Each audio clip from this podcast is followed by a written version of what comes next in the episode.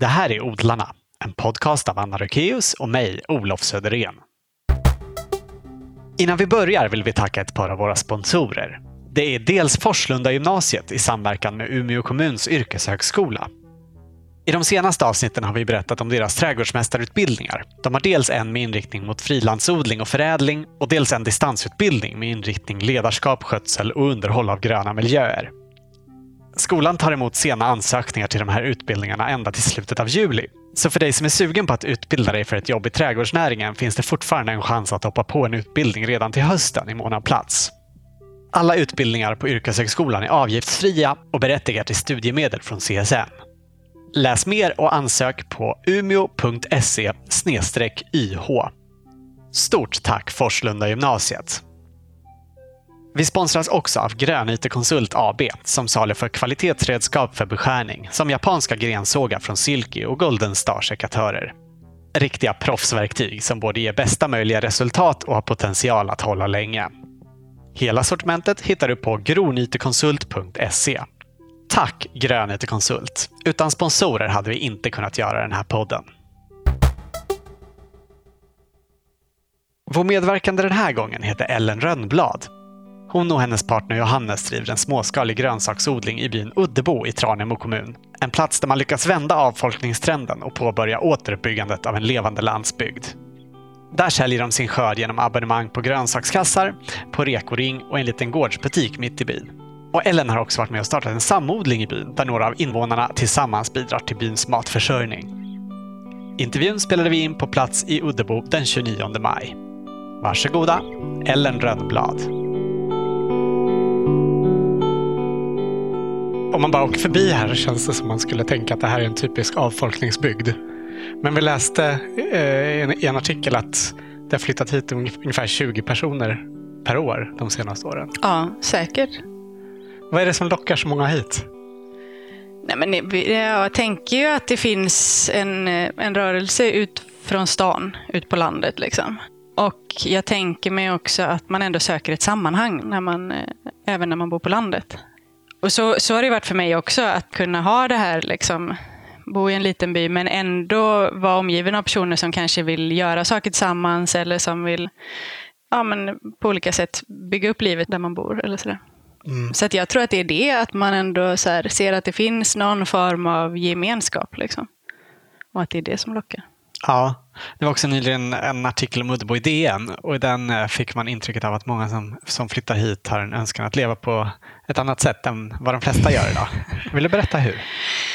Nej, men jag vet inte. Det, det gör vi kanske. Men, men eh, jag tänker att det Dels så tänker jag att, det, att man har kanske någon önskan om att, att livet inte bara ska vara lönearbete, liksom, utan att, att uh, utveckla andra sidor hos sig själv eller liksom hålla på med konst och kultur eller, eller med odling eller med ja, vad det nu kan vara. Liksom. Mm. Sen är det väl också att det, det, finns, men som jag tycker upplever också att växer fram mer och mer i städer också, det här att skapa gemensamma mötesplatser eller gemensamma projekt liksom, som drivs tillsammans med andra. Mm. Och det finns det ju en del av i Uddebo. Absolut. Men hur har liksom utvecklingen sett ut till att Uddebo har blivit som det är? Eh, nej men mycket tänker jag att det har liksom funnits eh, eldsjälar från början. Eh, och det tänker jag krävs liksom för att det ska komma hit folk från början. Och då var det mycket kretsade kring det här gula huset som då är ett jättestort eh, trähus i byn som har varit ett väveri för länge sedan, eh, som togs över och, och drevs som en eh, ekonomisk förening och rustades upp och renoverades. Eh. Och, och, när började det? Oh, när kan det ha börjat? Det måste ju vara typ tio år sedan eller något sånt där. Mm. Hur var det här innan det? Nu fanns ju inte jag här då, men Nej. det är ju liksom en gammal industribygd och det har funnits ett väveri här. Och eh, som har varit den stora arbetsplatsen och fram till eh, ganska nyligen ändå. jag tror att på 2000-talet la liksom sista ner. Och sen eh, så var det väl liksom en, ett, en by på nedgång ganska länge. Och därför fanns det också billiga hus eh, att ta över för de som ville flytta hit i början. Liksom. Så det har ju också möjliggjort att folk har kommit hit och flyttat hit. För att man, det, det var inga liksom stora investeringar, men däremot kanske man behövde ta hand om husen Eh, och rusta upp dem och sådär, renovera och sådär. Men sen dess har det ju hänt mycket och nu finns det ju inga tomma hus längre. Liksom. Nu, Nej. nu är det väl kö liksom. Och, och, och huspriserna har ju också gått upp därefter. Liksom. Så Ja. nu säljs ju husen för en miljon eller sådär. Vilket ju inte var fallet då för tio år sedan. Och inte heller för sex år sedan när jag kom hit. Eh, Det kanske var ett par hundratusen. Liksom. Men ja, det är väl folk på kö som vill flytta hit. Och jag tycker att det hela tiden är liksom skrivs på, på Facebook. Sådär, ja, jag vill gärna flytta till Uddebo. Vart kan, jag, vart kan jag bo? Kan jag hyra något? Finns det något? Sådär. Vill du berätta lite om vad det är som finns här idag? Gula huset finns ju kvar och drivs som förening. Har lite kaféer emellanåt. Det finns en stor eh, free shop, alltså en gratis loppis. Det finns också en vanlig loppis som är öppen på sommaren i Gula huset. Och sen eh, är det också lite ateljéer och sådär. Sen så finns ju väveriet som eh, togs över av ett, eh, ett par från Göteborg för några år sedan. Det väveriet som tidigare var den stora Ja, precis. Inte det som. Gula huset. Den delen la ju ner för länge sedan och sen så byggdes det ett nytt väveri. Så att det finns liksom Just en stor är liksom industribyggnad. den, den gamla ursprungliga väveriet. Ja, precis. Så att det finns en jättestor industribyggnad då, i byn som de köpte. Och där det också är en hel del verksamhet. Och eh, ja, Det finns ett makerspace och det finns ett, eh, ett kök där de har tillverkat tempe, en tjej i byn här. Eh, Så det, det börjar också komma lite sådär att folk faktiskt kan arbeta i byn. Eh, Och sen nu så ska de starta, håller på att bygga ett bageri i väveriet bland annat. Så det kommer ju också vara lite sysselsättning Mm. för ett par personer där. Så det känns ju jätteroligt. Och jag tycker ju det är extra roligt när det också är andra livsmedelsproducenter. Att man liksom kan att utveckla den delen av, Mm, av Uddebo. Liksom. Ja. Känns jättekul. Sen eh, finns ju så småhusbyprojekt där de bygger eh, små, småhus helt enkelt. Mm, alltså Eh, jättesmå. jag det är trodde typ sådana jag- vagnar eller? Ja, jag trodde det, men jag tycker att de är ganska stora ändå hus för att vara småhus. Men, eh, men det är som någon slags, med, med ändå så ett gemensamt hus med kanske där de har dusch och kök och lite sådär. Så att på det sättet småhus, att man inte måste ha allting själv. Så. Okej. Det finns också en inköpsförening eh, som liksom köper in ekologiska varor. Och sen eh, finns ju samodlingen som en gemensam odling och det finns en bilpool och det finns ja, lite sådär. Mm. Finns det skola och så i byn? Eh, nej, det finns förskola i byn.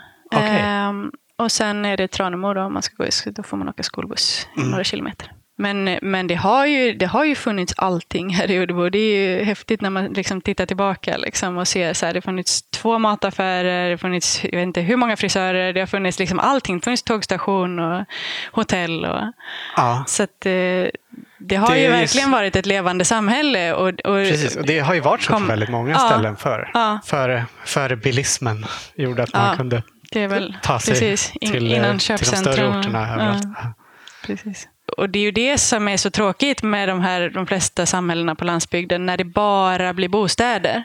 Ja. Och det är ju det jag tänker att man vill bygga upp nu igen, att det faktiskt blir något mer, att man kan också leva där man bor, liksom. inte Ja. bara bo. Hur kom det sig att du hamnade här?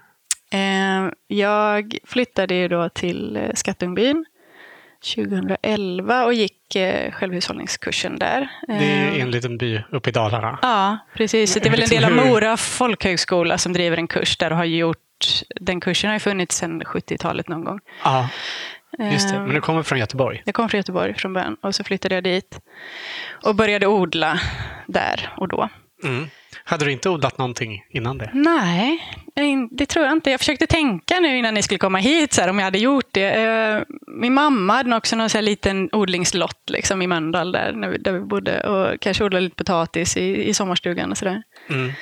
Och sen hade jag en mormor tänkte jag på också som älskade att odla. Ja. Och eh, som eh, mycket blommor men också en del grönsaker då, för, förr i tiden.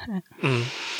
Men eh, nej, jag hade inte odlat men jag hade ju ändå liksom alltid haft någon sån dragning ut på landet som jag inte vet riktigt var den kommer ifrån. Men, men så att när jag bodde i Göteborg så jobbade jag också med hästar eh, som hästskötare och, och lite som ridlärare. Och så så att det var väl också en, liksom, i lite i samma riktning. Så där. Men sen kom jag väl på då att jag ville eh, gå den här Skattungbykursen eh, och tyckte att det verkar kul. Ja. Som inriktar på ekologisk odling för självhushållning och lite hantverk och Hur sådär. hittade du den då? jag hade nog kompisar som hade gått den. Så Ja. att jag hade liksom hört talas om den. Så då sökte jag och kom in där och flyttade dit. Och sen blev jag kvar där i tre år tror jag bodde där. Så att vi, den kursen är på, på ett år. Och sen startade vi för att vi inte ville flytta därifrån och vi ville inte heller, vi ville gärna fortsätta liksom plugga på något sätt. Så då startade vi en permakulturkurs. Mm. Också genom Mora Ni folkhögskola. då. uppfann er Ja, egen utbildning. Så vi eh, bjöd dit en, eh, en lärare från Holma folkhögskola, Esbjörn Wandt tror jag heter, va? Mm. eh, som kom och höll en sån här certifieringskurs i permakultur med oss under våren. Sen. Så det var jättekul.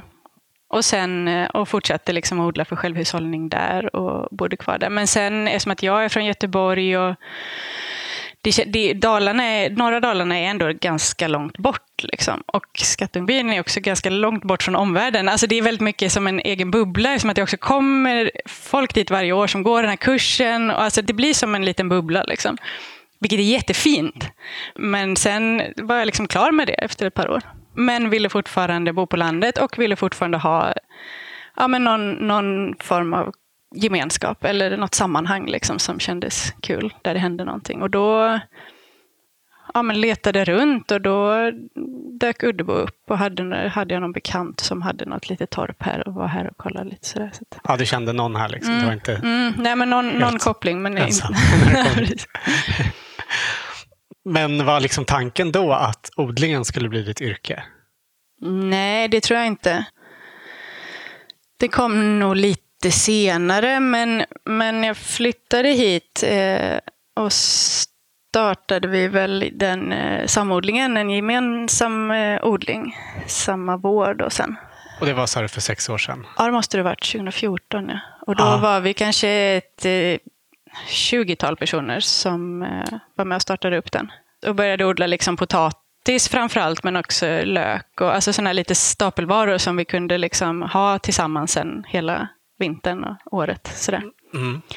Och sen utvecklades den här kommersiella odlingen ett par år senare ur det. Liksom, att jag fick ta över en liten bit av våran mark som vi hade fått på de åkrarna där inne i byn. Och kunde starta så smått med en, också en kommersiell odling. Ja. Men, men upplägget för den här eh, biodlingen, är det liksom att alla, alla som vill är med och odlar tillsammans? Eller hur, hur funkar det? Och att man, ja precis, man, man eh, odlar tillsammans och eh, delar på den skörd som blir. Liksom. Ja. Och det har, nog, ja, men det har nog varit mellan 20 och 10 personer per år. Liksom. Och nu var det nog ännu fler i år, som kanske också är ett, en coronaeffekt. Jag vet inte Mm, om det blir mer relevant att odla sin egen mat. Men du är inte med i samodlingen längre? Sen. Nej, jag var med de första åren, men sen eh, när eh, andelsjordbruket tog mer tid och utrymme så har jag hoppat av samodlingen. Mm. Men vi har ju fortfarande vi har en traktor tillsammans och vi, vi har ju ändå eh, en del samarbete så. Men det är två helt olika verksamheter. Och, ja. Vill du beskriva era odlingar som ni, har idag? ja, som vi har idag så odlar vi det mesta på friland. Eh, på eh, 2000 kvadratmeter tror jag vi odlar på i år. Nu har vi lite mindre odlingar i år än vad vi hade förra året för att vi har fått en liten bebis. Så att vi försöker eh, ägna lite tid åt honom också. och eh, vi har ett växthus, en tunnel på 200 kvadrat ungefär. Och vi odlar som, eh, som alla andra, eller på att säga. Men vi odlar i fasta bäddar och vi eh, odlar ungefär, jag räknade att det är ett 40-tal olika grödor. Och vi odlar det mesta för hand, förutom potatisen som vi odlar med traktor. Och vi lägger bäddarna med traktor, men, men annars är det liksom för hand, med handredskap. Det ligger som en, vad ska man säga, som en remsa längs med kanten på en större åker. Mm. Det ligger ju stora åkrar i, mitt inne i byn kan man säga. Uddebo ligger ju kring en å och en väg som går längs med ån. Liksom. Det är som en, dal, en dalgång kan Ja, man det är säga. som en dalgång, precis. Och där ligger också stora åkrar inne i byn så, där vi odlar. Och så ligger väveriet som vi pratade om då, det ligger ovanför odlingarna. Där. Och de, de här två första odlingarna som vi fick ta över, de ligger ju i norrsluttning, så inte helt optimalt. Eh, och sen Nej, så ligger det. det. Eh, Det är helt- där då- samodlingen ligger där ni också hade er kommersiella odling först. Ja, precis. Och det sluttar också lite. Och det blir Mm. inte jättemycket ljus där. På, det blir inget, inget solljus där på vintern, men inte heller på våren så mycket. Nej. Och sen så nu förra året så började, för förra året så fick vi ta över en bit av åken längre ner som ligger helt plant.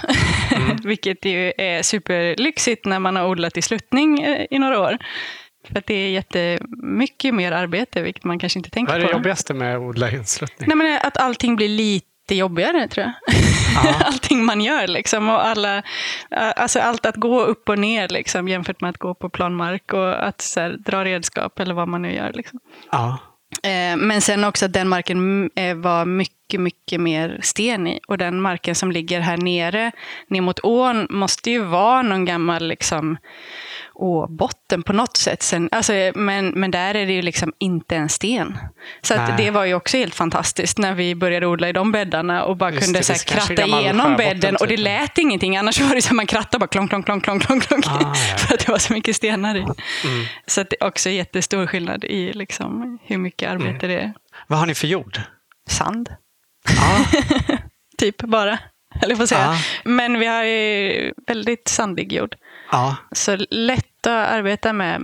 Men eh, det är också en fördel att ha ån så att vi kan vattna. För det är Ja, ni tar annars- vatten från ån. Vi tar vatten från ån och vattnar med, precis. Mm. Men, eh, men den är lättarbetad, det är inte så tungt. Nej. Men eh, liksom är det, krävs det att ni vattnar och gödslar väldigt mycket för att det rinner bort snabbt? Eller? Ändå alltså, vi- gjorde, vi gjorde ett jordprov på de första bitarna som vi odlade på. Då var jag ändå förvånad över att det var så pass hög mullhalt som det var och ändå lite lera, för det är ingenting man ser. Alltså, är det liksom, på sommaren så kan det ju också lite grann kännas som att man jobbar i en öknen. Liksom. Men eh, den innehåller mer än vad man ser på den jorden. Okej, ja. Men det är klart att vi behöver vattna när det, när det inte regnar så mycket. Men eh, de första åren vattnade vi ingenting alls. Okej. Och då var det ändå ganska mycket som klarade sig ändå. Och det tror jag också lite beror på att det, det vi odlade i, i sluttning, att det kom vatten på något sätt uppifrån som inte syns ovan jord. Liksom. Men för två år sedan fick vi bevattningen på plats eh, så att vi kunde pumpa upp från ån. Mm. Var, Så det- var det lagom till sommaren 2018? Då? Ja, precis. Så på våren där så eh, Vilken fick vi igång att det var bevattningssystemet. just då det blev färdigt. Det var ju fantastiskt och vi vattnade och sen blev det bevattningsförbud och förbudet att ta ut vatten ur alla vattendrag i Västra Götaland. Så då hade vi någon svettig vecka där innan vi fick en dispens faktiskt från Länsstyrelsen. Så vi fick ta Okej, ut lite vatten. Inte, inte jättemycket, kanske inte så mycket som vi hade velat eller behövt, men vi, vi kunde ändå liksom vattna det det, mest viktiga. Ja. Ja. Och det var ju många som inte fick eller kunde göra. Så att det, det var ju en otrolig lyx ändå att Mm. kunna göra. Eh, Vad används eh, resten av de här stora åkrarna i byn till? Eh, då är det en annan, en, en, då är det en bonde som arrenderar eh, resten av åkermarken i byn. Som har köttdjur en bit bort. Eh, så att han odlar vall där egentligen. Ja. På resten av, av de åkrarna som är inne i byn. Och på ganska mycket mark runt om också. Mm. Det är ganska tydlig skillnad, er odling mot det som är resten av den här stora åkern. Ja, där det precis. bara är vall, liksom, Ja. samma över hela. Precis. Och på er är det Mm. massor med olika grejer. Så det är olika, helt olika sätt att bedriva lantbruk. Ja. Ja. Så är det. Vill du berätta lite mer om vad ni odlar?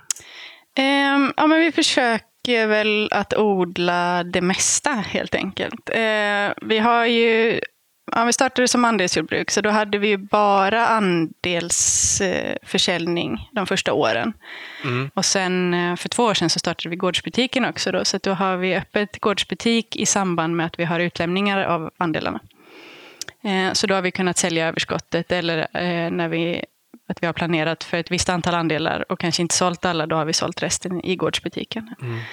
Men planen har ju hela tiden varit att odla en stor variation av grödor så att vi också i varje kasse då kan lägga i, eh, vi brukar ha åtta till tio olika sorts grönsaker varje vecka. Liksom. Mm. Och att eh, planen är då att man inte ska behöva köpa några andra grönsaker utan man ska liksom kunna klara sig på det man får. Och då brukar vi alltid, i varje kasse har vi potatis och vi har någon form av lök och vi har någon slags sallad liksom, som en bas. Eh, och sen fyller vi på med det som är liksom i säsong. Sådär. Mm. Så att då odlar vi, vi odlar ganska mycket olika kolväxter, vi odlar baljväxter, rotsaker och så har vi ja, men alla sallad och örter och sånt där. Och lite pumpa, squash, majs. Och sen har vi växthuset med tomat, gurka, chili. Idag så driver du ju odlingen ihop med din man Johannes. Ja. Eh, var han med när ni startade? Nej, kommersiella odlingen, eller? första året då var jag ensam. Och då startade jag, då startade jag väldigt litet. Jag hade tio andelsägare första Mm. året. Eh, också för att bara känna på hur det skulle vara. Och för mig har det varit viktigt att liksom växa lagom snabbt. Att hinna lära mig under tiden. Eh, och att inte så här, ta mig vatten över huvudet eller så. Och sen eh, har Johannes eh, började väl liksom hjälpa till och hjälpte till mer och mer. Och nu är det ju vi tillsammans som driver det, Ja. odlingarna. Kan ni livnära er på det? Eh, nej, nej. Men eh, vi kan... Ja, men förra året var väl första året vi fick en lön i alla fall från företaget. Så att vi, har ju, vi har ju varsin anställning på annat håll, deltid också. Mm. Men förra året så jobbade jag bara med odlingarna under, under odlingssäsongen, liksom, eller det halvåret. Mm. Och kunde Och ta sen ut en lön. annat på Ja, vinterhalvåret? då? ja, precis. Och nu eh, får vi också en lön från företaget och så är vi lite föräldralediga dessutom. Ja. Men planen är ju absolut att vi ska kunna jobba med det åtminstone säsongsvis, tänker jag enbart. Men att vi har eh, kunnat bygga upp det utan att ha en stress med att det måste bära sig direkt eller att vi måste kunna leva på det har också varit väldigt skönt tycker jag. Alltså det kan vara stressigt nog som det är att känna att så här, ja, men nu har jag förbundit mig till att, att leverera grönsaker till de här andelsägarna. Mm. Och då, att inte ha den stressen också, att jag dessutom måste få en inkomst av det, har varit jätteskönt. Mm, Ehm, så att har man möjlighet till det så, så rekommenderar jag det, Ja. att starta så. Men det är så olika vilka förutsättningar man har. Liksom. Hur ser era vardagar ut nu under, under sommarhalvåret när ni jobbar med odlingen? Alltså det är väldigt mycket ett jobb ändå. Alltså, det tror jag också blev förra året så, eh, så jobbade jag bara med, heltid med odlingarna och eh, Johannes jobbade halvtid ungefär. Och vi hade också en del woofare och sånt förra året som var här. Okej, eh, och i och med det så blev det också att vi var tvungna att styra upp arbetsdagarna lite mer än vad vi kanske hade gjort innan. Att man börjar en viss tid på morgonen, man har lunch mitt i och sen slutar man vid fyra på eftermiddagen eller vad det kan vara. Mm. Medan de här första åren så kanske det var mer jobb dygnet runt och lite när som helst och hur som helst. och sådär. Vilket det kanske var tvunget att vara då. Liksom. Men nu har vi ändå hittat bra rutiner där vi, så här, vi går nu då eftersom att vi är en, en föräldraledig och en som jobbar, och det delar vi på lite olika, olika dagar. Men, eh, så att någon, någon går till jobbet på morgonen och den andra är med bebisen och fixar lunch. Så att man har lunch när man kommer från jobbet. Och så, så att vi kanske, ja, en arbetsdag är vanligtvis mellan nio och fem skulle jag säga. Så att helt så här, traditionellt. Nio till fem lunchpaus i Precis. Vilket är jätteskönt eh, att kunna hålla det till det och att ha, ha lediga helger eh, och lediga kvällar. Liksom. Mm. Är ni båda lediga på helgerna? Då, Ja, för det mesta. då får Eh, en klara sig själv ett par dagar. och sen kanske vi, alltså, eh, kanske vi är nere och, och vattnar och vi kanske öppnar och stänger växthuset och sådär. Men att eh, försöka hålla helgerna så fria som möjligt har också varit, det tänker jag också är en del i att det faktiskt blir hållbart att hålla på med. Liksom. Eh, och det är också en fördel, alltså det finns ju fördelar och nackdelar med att vi bor, vi, vi bor inte på en gård. Vi har ju våra odlingar på åkrarna mitt inne i byn och så bor vi i ett hus. Vad kan det vara? Tio eh, minuters promenad? Ja, precis. Kanske en, en kilometer eller vad det kan vara ner till odlingen. Mm. Och fördelen med det är ju att, att man faktiskt också kan vara ledig när man är hemma. Att inte hela tiden se vad som behövs göras och sådär. Eh, Sen, sen så skulle det ju finnas andra fördelar med att bo på en gård som vi inte har. Men, men just det där att man faktiskt kan gå till jobbet och faktiskt också kan gå hem från jobbet är ju rätt skönt. Ja. Man kan nästan se ner till odlingarna Ja, härifrån, men precis. inte riktigt Eh, när det inte är löv på träden så ser man ju ner. Vi bor Ja. i en, en backe upp. Så att, eh, på vintern ser vi odlingarna, men då är det inte så heller så mycket att se. Att, Var det första gången förra året som ni hade woofare? ja, det var det. Det har vi inte haft innan, så det hade vi inte hela säsongen, men delar av säsongen. Olika woofare. Eh, De flesta var väl här ett par veckor och åkte sen och så kom det nya. och Så. Ja. Men jag antar att ni inte kommer kunna ha woofar i år nu med coronan. Eh, nej, och det var ju bra. Eller vi, vi hade inte planerat för att ha woofare och nu går det inte heller. Och det är också en tanke med det. Eller för mig har det varit viktigt att bygga en verksamhet som man kan driva utan gratis arbetskraft. Mm. Att, att inte vara beroende av det. Sen kan det, vara, det kan vara kul och det kan vara givande och framförallt tror jag det skulle vara roligt att ha lite mer praktikanter som kanske går en trädgårdsutbildning eller sådär. För det tänker jag också kan vara intressant på många sätt. Men just det där att inte vara beroende av det, det ser jag som eh, ett sätt att liksom eh, inte bli så sårbar. Mm. Vad lägger ni det mesta av er arbetstid på? Oj, bra fråga. Lite olika beroende på vilken del av säsongen det är. Alltså, nu lägger vi nog mesta tiden på att sätta ut plantor. Eh, och vi lägger en del tid på att ogräsrensa och försöka liksom vara ett steg före med det. I lök och i vitlök till exempel. Där får man också vara med lite nu och helst ta ogräset när det är väldigt, väldigt litet. Och hittills på säsongen brukar det gå bra. Sen, sen är det som att man tappar det lite mitt i där. Och sen bara, va? Vad hände? Hur blev det så här mycket? snabbt runt midsommar där. ja. Så att vi ska försöka hålla i hela säsongen. Men också eh, försöka vara bra på att faktiskt täcka över bäddarna när vi är klara med dem. Så att, eh, för man hinner, det hinner ju också det är många kulturer som inte står kvar jättesent på hösten och då hinner det också brytas ner en del växtrester och sånt om man täcker mm. när man har skördat av bädden. Eh, men senare på säsongen skulle jag säga att vi lägger det mesta tiden på att skörda. Eh, skörda och skölja och packa. Och, eh, så att, ja, det är också det som är en, en del av att jobba med något sånt här, att det hela tiden ändrar sig, att man gör inte samma saker året om. Liksom. Och det är en av de stora fördelarna tycker jag. Mm. Odlingen eh, ligger ju som sagt en bit härifrån, men eh, ni har ett litet växthus ja. här hemma på tomten också. Mm. Eh, det har vi, där vi har alla våra planter just nu som vi inte har satt ut än. Eh, så att vi börjar de tidigaste... Driver ni upp allting där? Nej, de tidigaste plantorna de driver upp i källaren i ett rum som vi har med hyllor och lysrör. Mm. Och sen när det blir varmt nog så flyttar vi ut plantorna i den lilla tunneln som vi har här uppe. Och sen får de flytta ner till och Friland eller till, till tunnelväxthuset där ja, nere? precis. Så nu har vi en del plantor kvar fortfarande och vi, vi såg ju en del i omgångar också så vi, vi har väl oftast lite plantor här men det mesta åker ut nu i, i dagarna. Har, har ni inget som ni direkt sår? Jo, lite grann, men, men så lite som möjligt. Skulle jag säga ändå. Men, eh, men vissa saker måste man ju direkt så. Morötter och palsternackor och lite dill och lite sånt där sår vi. Men eh, det, är, det är många fördelar med att sätta plant, upplever jag. Alltså med ogräsbekämpning och sådär. Så att vi försöker göra det så mycket som möjligt. Aha. Ursäkta avbrottet, men odlarna har ytterligare ett par sponsorer som jag vill tacka. Det är dels Lupinta som tillverkar supergod tempe av kravodlade bönor från sötlupin, ej att förväxla med den invasiva blomsterlupinen. Lupinta vill lyfta fram sötlupinen som ett hållbart val för nordiska lantbrukare och hobbyodlare och skickade nyligen ut 200 påsar med lupinbönor till sina följare. Deras odlingsresa går nu att följa under hashtaggen lupintaodlare. Mer information om Lupintas produkter och var de finns tillgängliga finns på lupinta.se.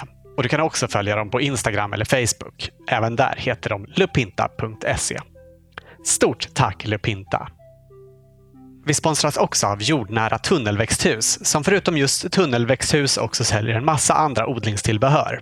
Krukor, tråg, växtbelysning och kanske extra intressant så här års, deras automatiska bevattningssystem. Smart både för den som vill spara på vatten och för den som odlar men ändå vill kunna åka bort en tid under sommaren. Gå in på jordnära.se så hittar du alltihop där. Jordnära med GJ. Tack Jordnära för att ni är med och möjliggör den här podden. På bordet i rummet här intill så ligger en massa timjan och gräslök och vad är det sista? Vitlöksblast va? Är, är det torkning på gång? Eller vad? Ja, precis. Jag håller på att göra lite örtsalt här. Av, eh, Just det, där står det en ja, matberedare med olika, gröna klumpar i också. På gång, ja, precis. Mm. Är det till eh, självhushållning eller är det till försäljning också? Nej, men lite för att det är roligt att ha lite i gårdsbutiken. Så vi har gjort lite örtsalt och lite jalapenos har vi haft. Och lite, lite sådana där saker har vi kunnat ha i gårdsbutiken. Kul. Ja, det är roligt. Och det är också någonting man skulle kunna utveckla med förädling framöver kanske. Mm. Kanske där ni får täcka vinterhalvårets Ja, precis. arbete. Precis. Eh, Kommer de flesta kunderna här från byn? Eh, ja, men lite blandat. Från början var Hur många är det förresten som bor i hela byn? Som bor i byn, i Uddebo bor ungefär 300 tror jag. Ja. Eh, Jag vet inte exakt, men ungefär. Och från början så var det ju nästan uteslutande andelsägare i byn. Men sen har det också spridit sig, så jag skulle säga att vi har kunder på ett par mils radie ändå. Och sen ligger vi ganska bra till mittemellan Svenljunga och Tranemo, så att, eh, precis vid vägen. Liksom, så att det, vi är ganska lättillgängliga också, även om man inte bor i Uddebo kanske många som passerar här och, och kanske jobbar och åker hem och kan hämta upp sin andel. Liksom. Mm. Så att det, ja, det har blivit mer och mer utspritt och det märker man ju att det, liksom, att det sprider sig sådär år från år. Så det är kul. Hur, hur har ni liksom nått ut till och hittat era kunder? Första åren så hade jag någon slags informationsmöten på våren. Där jag bjöd in och förklarade också vad ett andelsjordbruk är, hur det fungerar. Och, ja. och, och då, så att de första andelsägarna kom ju därifrån, tänker jag. Och sen så har nog mycket spridits genom andelsägarna som har pratat liksom i, i, på sina jobb eller med sina kompisar eller sådär. Att, att det spridit sig på den vägen. Och sen använder vi ju liksom sociala medier och det är egentligen det enda som vi själva gör som marknadsföring. Liksom. Mm. Och det upplever jag också når ganska långt och ganska brett ändå. Liksom. Men, men mycket tror jag det är att man liksom gör sig ett namn och att folk börjar prata och, och hör talas om en. Liksom. Det sprider sig. Ja, lite av sig själv. kunderna hjälper till att sprida det. Ja, liksom. Mm. precis. Kul. Mm. Du var ju inne på att ni säljer både då, eh, alltså prenumerationer eller andelar Mm. och eh, e-gårdsbutik. Mm. Och eh, så säljer ni också på Rekoring. Ja, precis. Vad, vad ser du för fördelar med de här olika sätten att sälja? De olika ja, försäljningskanalerna. jag tycker ändå att de kompletterar varandra ganska bra. Att andelssystemet eller, eller liksom att sälja prenumerationer är ju jätteskönt. Det här med att så här, ha, veta på våren att så här, jag har sålt de här, jag kommer få in de här pengarna och dessutom få in pengarna på våren när man då har sina utgifter. är ju, ja, men det är ju en trygghet för mig som, som odlare. Liksom. Mm. Men att vi har kunnat sälja överskottet då i en gårdsbutik och hittat ut till liksom andra kunder som kanske inte vill eh, binda upp sig på att ha en kasse varje vecka men ändå gärna vill komma ibland och handla. Eh, då, det gör ju också att vi inte behöver oroa oss för att vi får för mycket utan då vet vi att då kan vi sälja det där och vi kan dessutom åka på rekoringar och där kan vi ju bestämma från gång till gång hur mycket vi säljer och så lägger man upp en annons och så eh, beställer folk och sen säger man stopp när man tycker att Nej, men nu har vi inte mer eller nu får vi inte in fler kassar i bilen, vilket var förra året. Okej. nu har vi en större bil i år så nu kan vi sälja mer. Men, eh, Var är de rekoringarna ni säljer? Ja, men dels har vi startat en rekoring här, som heter Ja. Rekoring Kind, som är liksom för Tranemo och Svenljunga. Eh, och då har vi utlämningar var fjärde vecka i Uddebo. Ja. Eh, men sen finns det ju framförallt en, en jättestor rekoring i Borås, som är varannan vecka. Hur långt är det till Borås härifrån? Ja, vad är det, tre, fyra mil härifrån. Ja.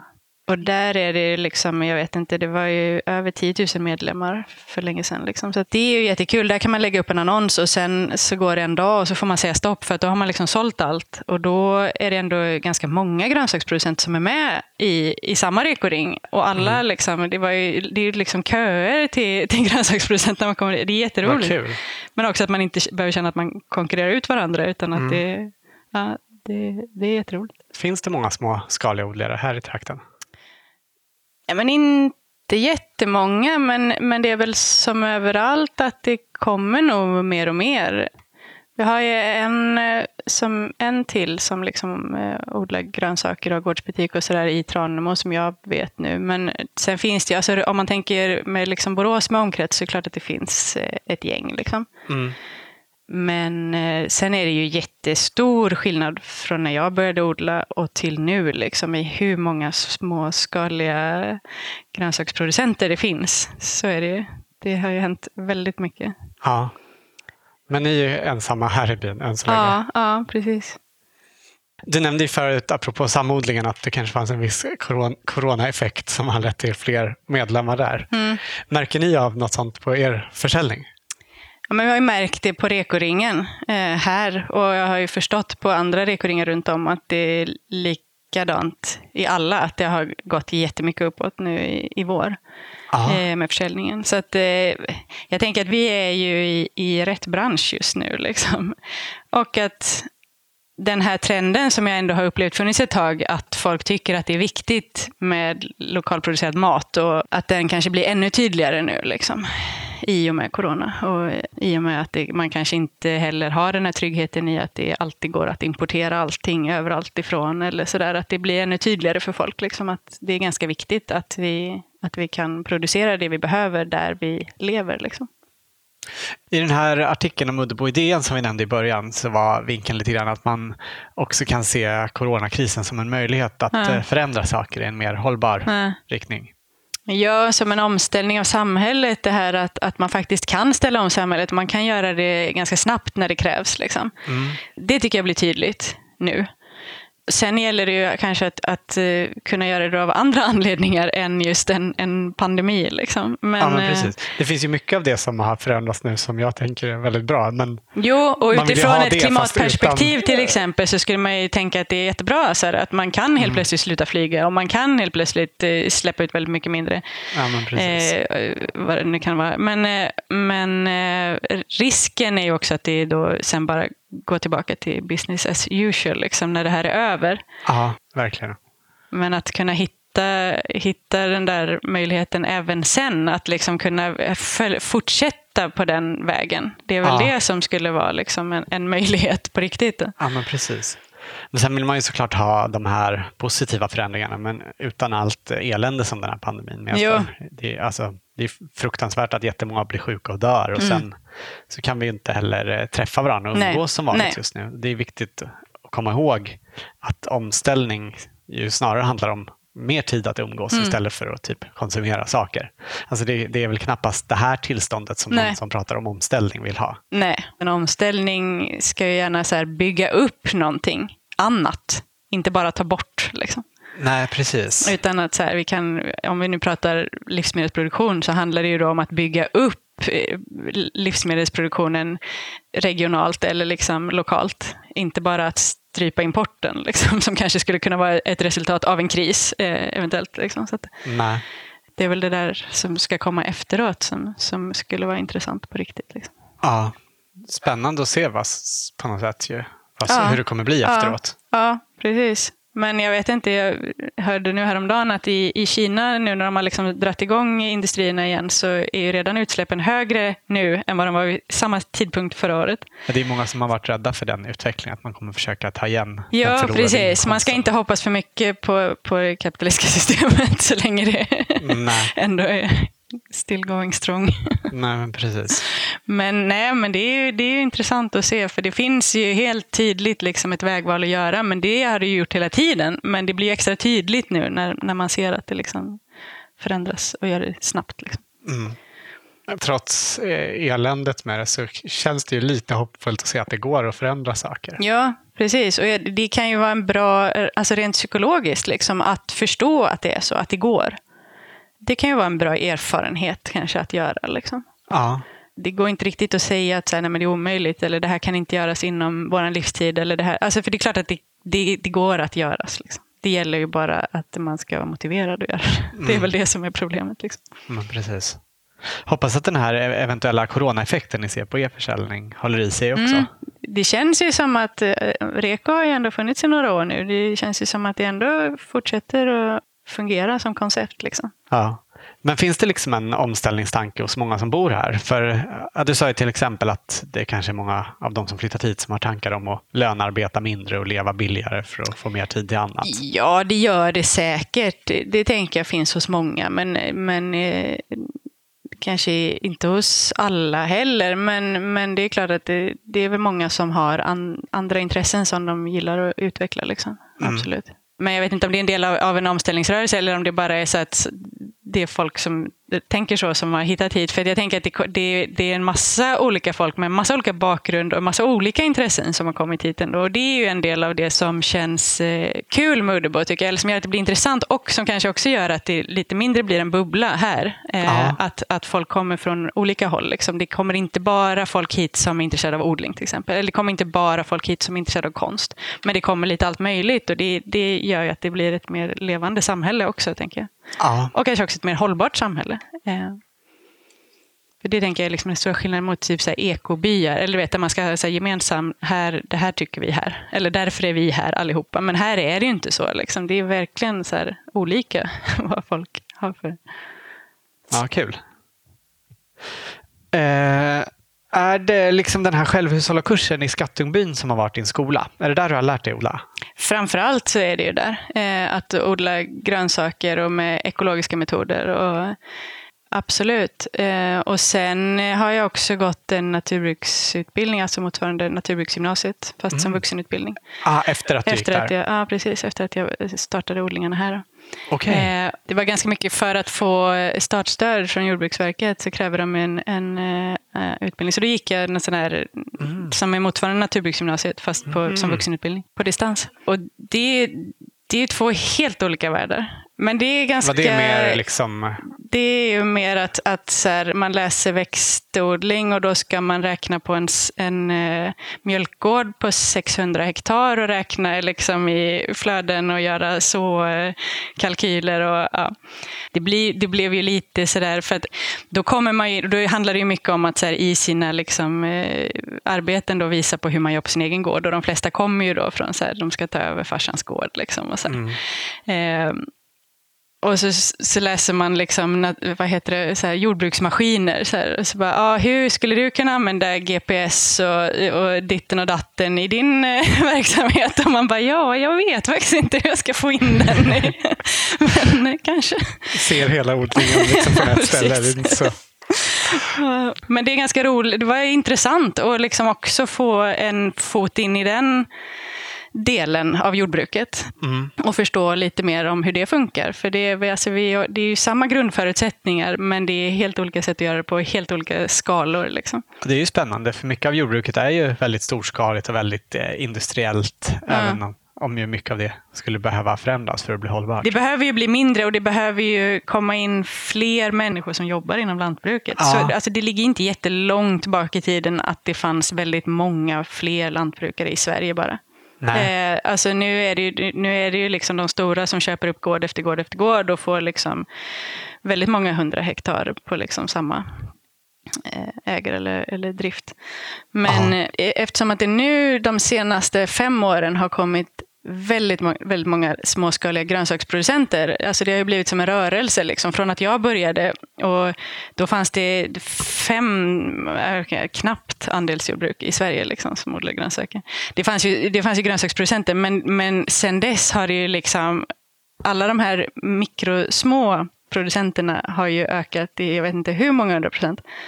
Och, och den utvecklingen vet vi fortfarande inte vart den ska ta vägen. För att jag tänker att, att eh, de första åren här, så som nästan alla är i nu, någon slags uppstartsfas, då går det att vara väldigt liten och det kanske går att inte eh, få ut så mycket lön i några år. Så, eh, men det går inte för alltid och, och, där kommer man hamna i något vägval, alltså man kommer behöva växa något.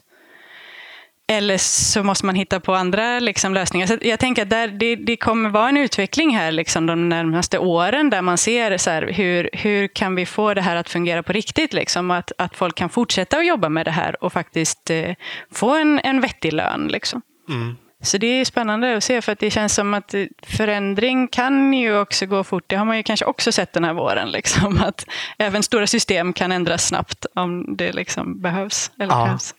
Verkligen. Så att, eh, ja, får se.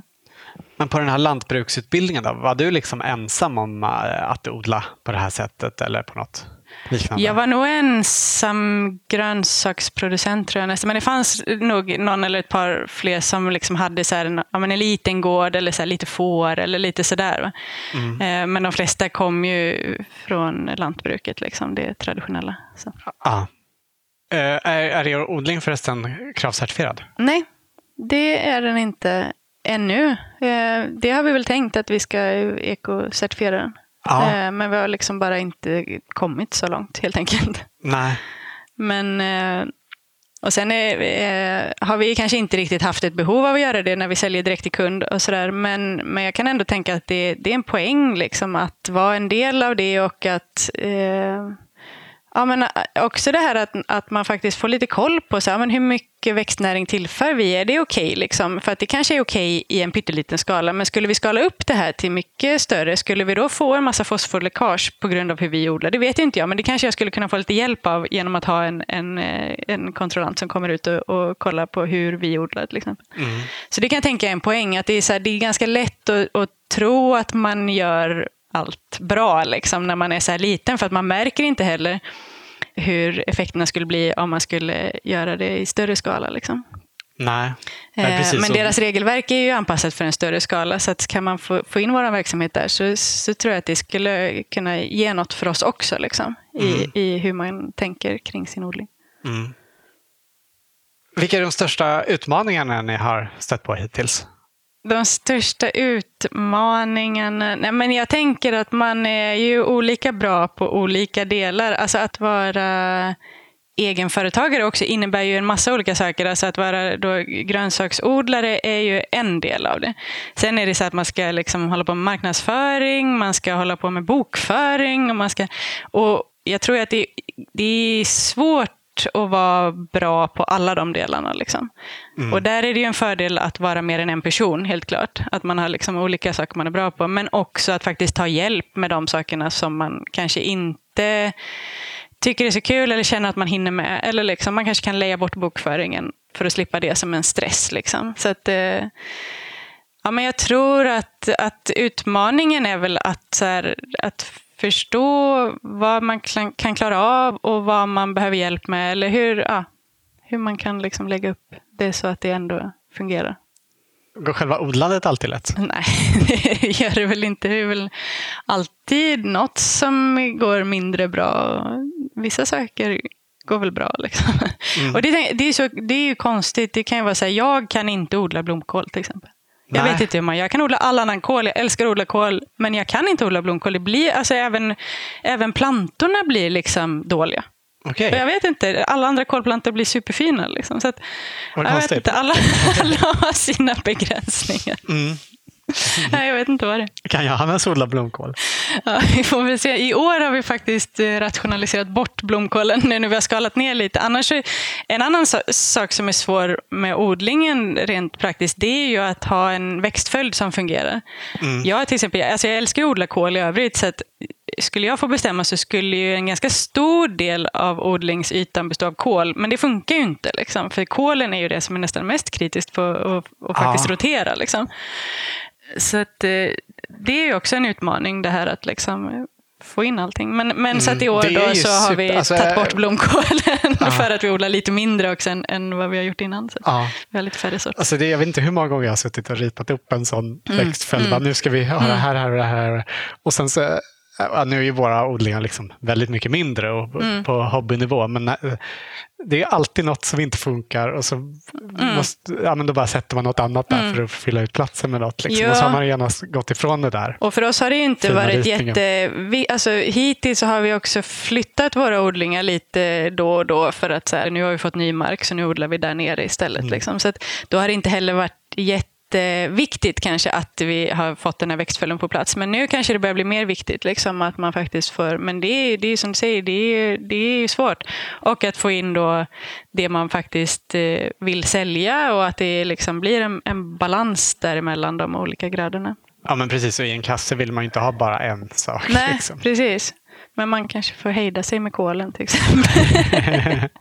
ja. Men er odling ligger ju som sagt eh, tio minuters promenad ungefär från där ni bor. Mm. Eh, och ganska oskyddad med en eh, stor vallåker på ena sidan och skogen ovanför. Mm. Liksom, får ni inte problem med djur som kommer att äta upp alla grödorna? Nej, alltså förvånansvärt lite djur har vi haft. och jag tror ju att det är för att vi ändå, det ligger inne i byn. Vi har ån och vägen på ena sidan och vi har en en väg och lite hus upp mot skogen på andra sidan också. Så att det är inte direkt anslutning till skogen. Vilket jag tror gör väldigt mycket. Alltså, så fort man kommer utanför byn sen så, så är det ju vildsvin till exempel. Och det har vi inte peppar peppar haft i våra odlingar än så länge alls. Eh, Nej. Vi har väl kanske något rådjur som kommer på hösten, eh, vintern och äter upp resten av grönkålen. Men det är liksom det som har varit ungefär. och någon Mm, Just det. hare kanske. Men kålen har ni också täckt ju. Så Ja, precis. det nu har vi ju det. hjälper. Men, men sen på hösten när vi har skördat klart så brukar vi lämna dem. Och då är det som små kala pinnar som är kvar där efter ett par veckor. Liksom. Men eh, det känns ju helt okej att bjuda på.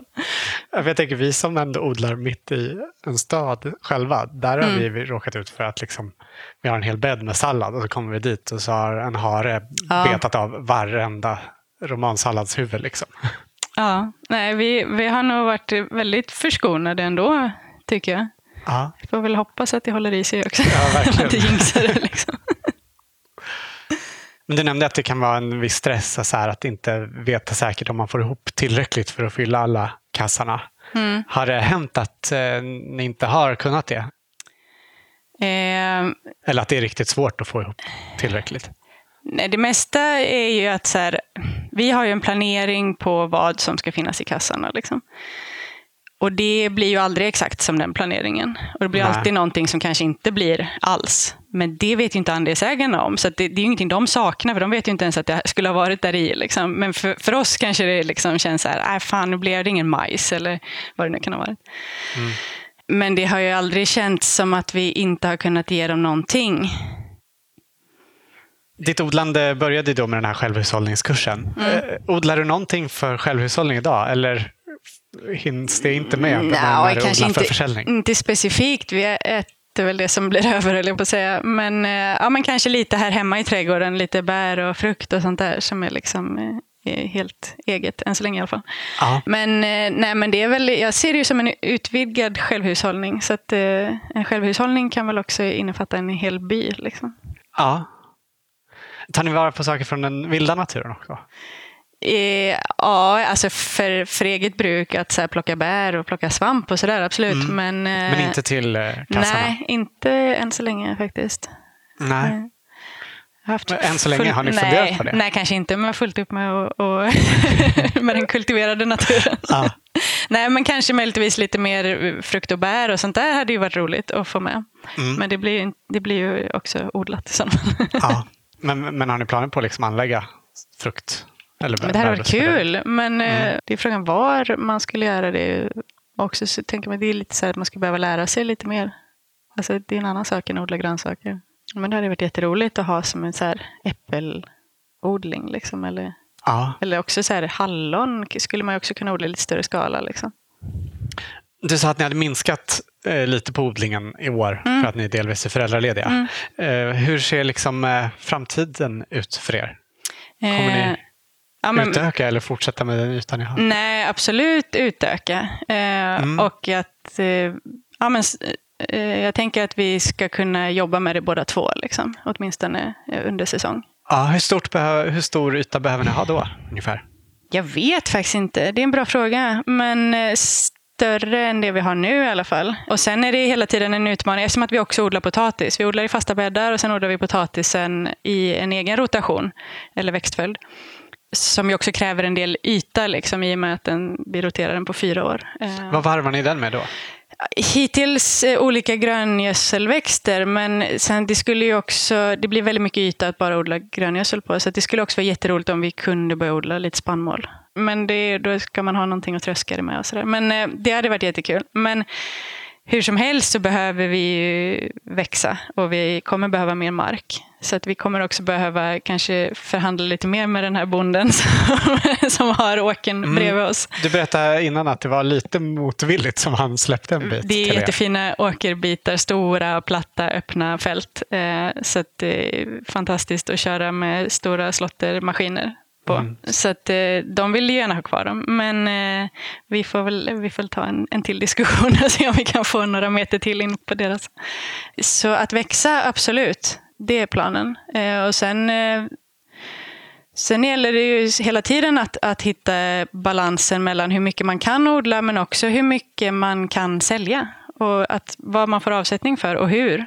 Eh, så eh, det är det där man, man ska få ihop, tänker jag också. Inte bara i hur mycket man kan producera, utan att man faktiskt också ska sälja det man producerar. Mm. Har ni alltid kunnat sälja det ni producerar hittills? Ja, det har vi nog kunnat göra, men, men det finns nog en gräns för hur, hur mycket man kan sälja via andelar till exempel. Och det är också därför vi har liksom utökat med fler ben att stå på i, i försäljningen, liksom, för att kunna täcka upp. Men det går säkert att hitta fler ben och det går att utöka en, en bra bit mer än, än, vad vi har gjort hittills. Och sen så får man väl kanske hitta, det hade ju varit roligt till exempel någon gång i framtiden att kunna sälja lite till restaurang, det är någonting vi inte har prövat. Eller, eller om man kan få göra det på något vettigt sätt att sälja till butik kanske. Men det, det finns ju många olika sätt som man kan eh, utforska. Och det är också helt beroende av vilket läge man har, vart man bor och hur det ser ut där, där man själv befinner sig. Så det är ju någonting som man måste eh, växa in i och förstå vilka ens egna förutsättningar är. Mm. Runt omkring där man själv bor och odlar. Liksom. Mm. Men vad tror du den här gränsen som du pratar om för hur många andelsägare, alltså hur, hur många tror du ni skulle kunna hitta här omkring? Nej, men jag vet inte. Vi har väl haft, eh, vi har haft lite olika storlekar på andelar och sådär, men en 40-50 andelar kanske vi har haft. Och det, det går nog att utöka lite till. Och, och det, det, finns ju också andelsjordbruk, andra andelsjordbruk i, i Sverige som säljer med andelskonceptet till kommunens kök till exempel, eller sådana där delar. Och då är det klart att då kan man få in mer. Liksom. Men men sen ska det ju också vara rimligt för folk att liksom ta sig. Eller så det, det, går inte att åka hur långt ifrån som helst för att eh, hämta sin grönsakskasse. Liksom. Utan då, då är det ju kanske andra lösningar med rekoringar ja, till exempel. Får, eller sådär, eller ordna med utlämning utlämningsplatser. I, i liksom, eller sådär. Hur stor yta tror du att ni skulle liksom kunna odla och hinna med att ta hand om på två personer? Ja, men vi skulle nog kunna odla i alla fall dubbelt så mycket som vi gör nu. Eh, det tror jag. Men sen behöver man nog också anställa någon, i alla fall på deltid, ganska snart. Liksom. Mm. Och lite, ja, olika delar av, av säsongen kanske det behövs mer eller mindre. Så det, det tänker jag att man får fundera på eh, när man utökar ganska snart ändå. Mm. Att kunna anställa någon. Det har ju flera fördelar också, att det blir liksom mer hållbart om någon skulle bli sjuk eller sådär. Att, Absolut. Att inte bara vara Nej. själv Nej. med det. Absolut, så är det. Hur lång är er skördesäsong? Alltså hur, ofta, hur länge är det som ni lämnar ut eh, andelskassarna? Vi har haft eh, 20 veckor, så vi brukar börja skörda kring midsommar. Och så håller vi på till början av november någonting. Men det där är ju också en fråga, till, tänker jag, om, om man vill utöka och hur många andelar man skulle kunna ha. Det är ju också att man skulle kunna förlänga säsongen och ha ja. fler veckor på, som, som man skördar eh, och på det sättet utöka. Ja. Vad betyder det för dig att få jobba med odling? Oj, vad betyder det? Nej, men jag tror ju att jag sökte mig till det här, alltså lite bort från stan, ut på landet, ner i jorden, för att på något sätt, alltså att jag ville ha liksom en större förståelse för mitt eget liv.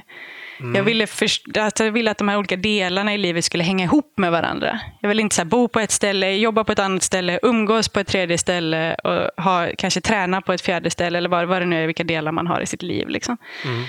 Utan jag ville ha det så här smått så att jag kunde så överblicka det och, och förstå att det hängde ihop. Liksom. Och, och, där är ju odlingen väldigt mycket så. Man förstår, så här, man förstår det man gör. Man sår ett frö och så växer det i jorden och man liksom det tar den kan tid skörda. Det tar. Ja, precis.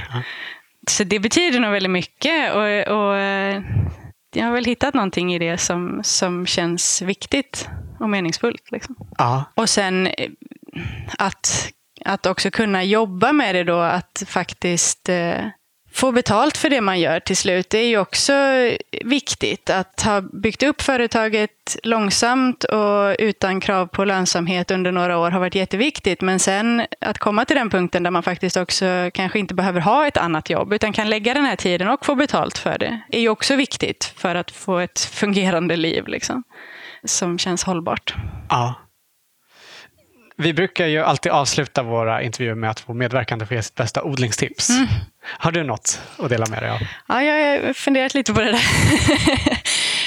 det är, jag tycker det är en jättesvår fråga, men som jag också var inne lite på så tror jag, oavsett om man odlar då kanske för sig själv eller om man odlar för försäljning, så det här att odla lagom stort, att inte odla för mycket, att kunna att ha liksom tid och energi och, och plats för det man odlar och kan göra det bra istället för att ta på sig för mycket och misslyckas. Det tror jag är liksom mm, ett, Att man ett bra hinner med tips. och sköta om det ordentligt. Ja, att göra, ja, precis.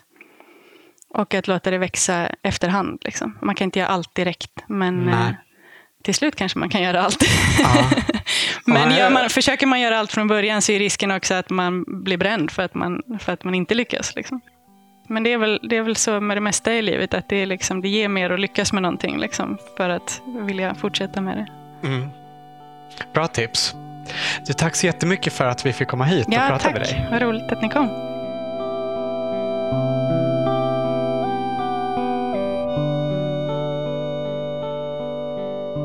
Du har hört Ellen Rönnblad i Odlarna. Om du råkar bo i eller har vägarna förbi trakterna av Tranemo och Svenljunga och är intresserad av att abonnera på grönsakskassar eller besöka småbruket i Uddebos gårdsbutik, så kolla in smabruketUddebo.com för info och öppettider.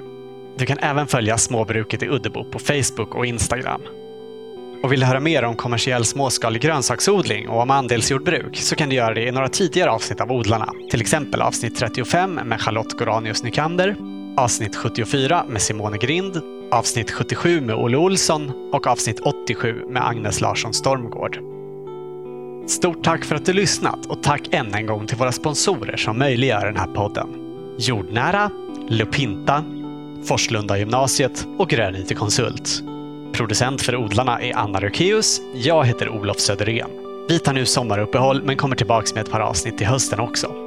I väntan på det är du välkommen att följa oss och vårt eget odlande på Instagram under namnet Spenatistan. Och Spenatistan är också titeln på den odlingsbok vi skrivit. Ha en riktigt fin sommar. Hej då!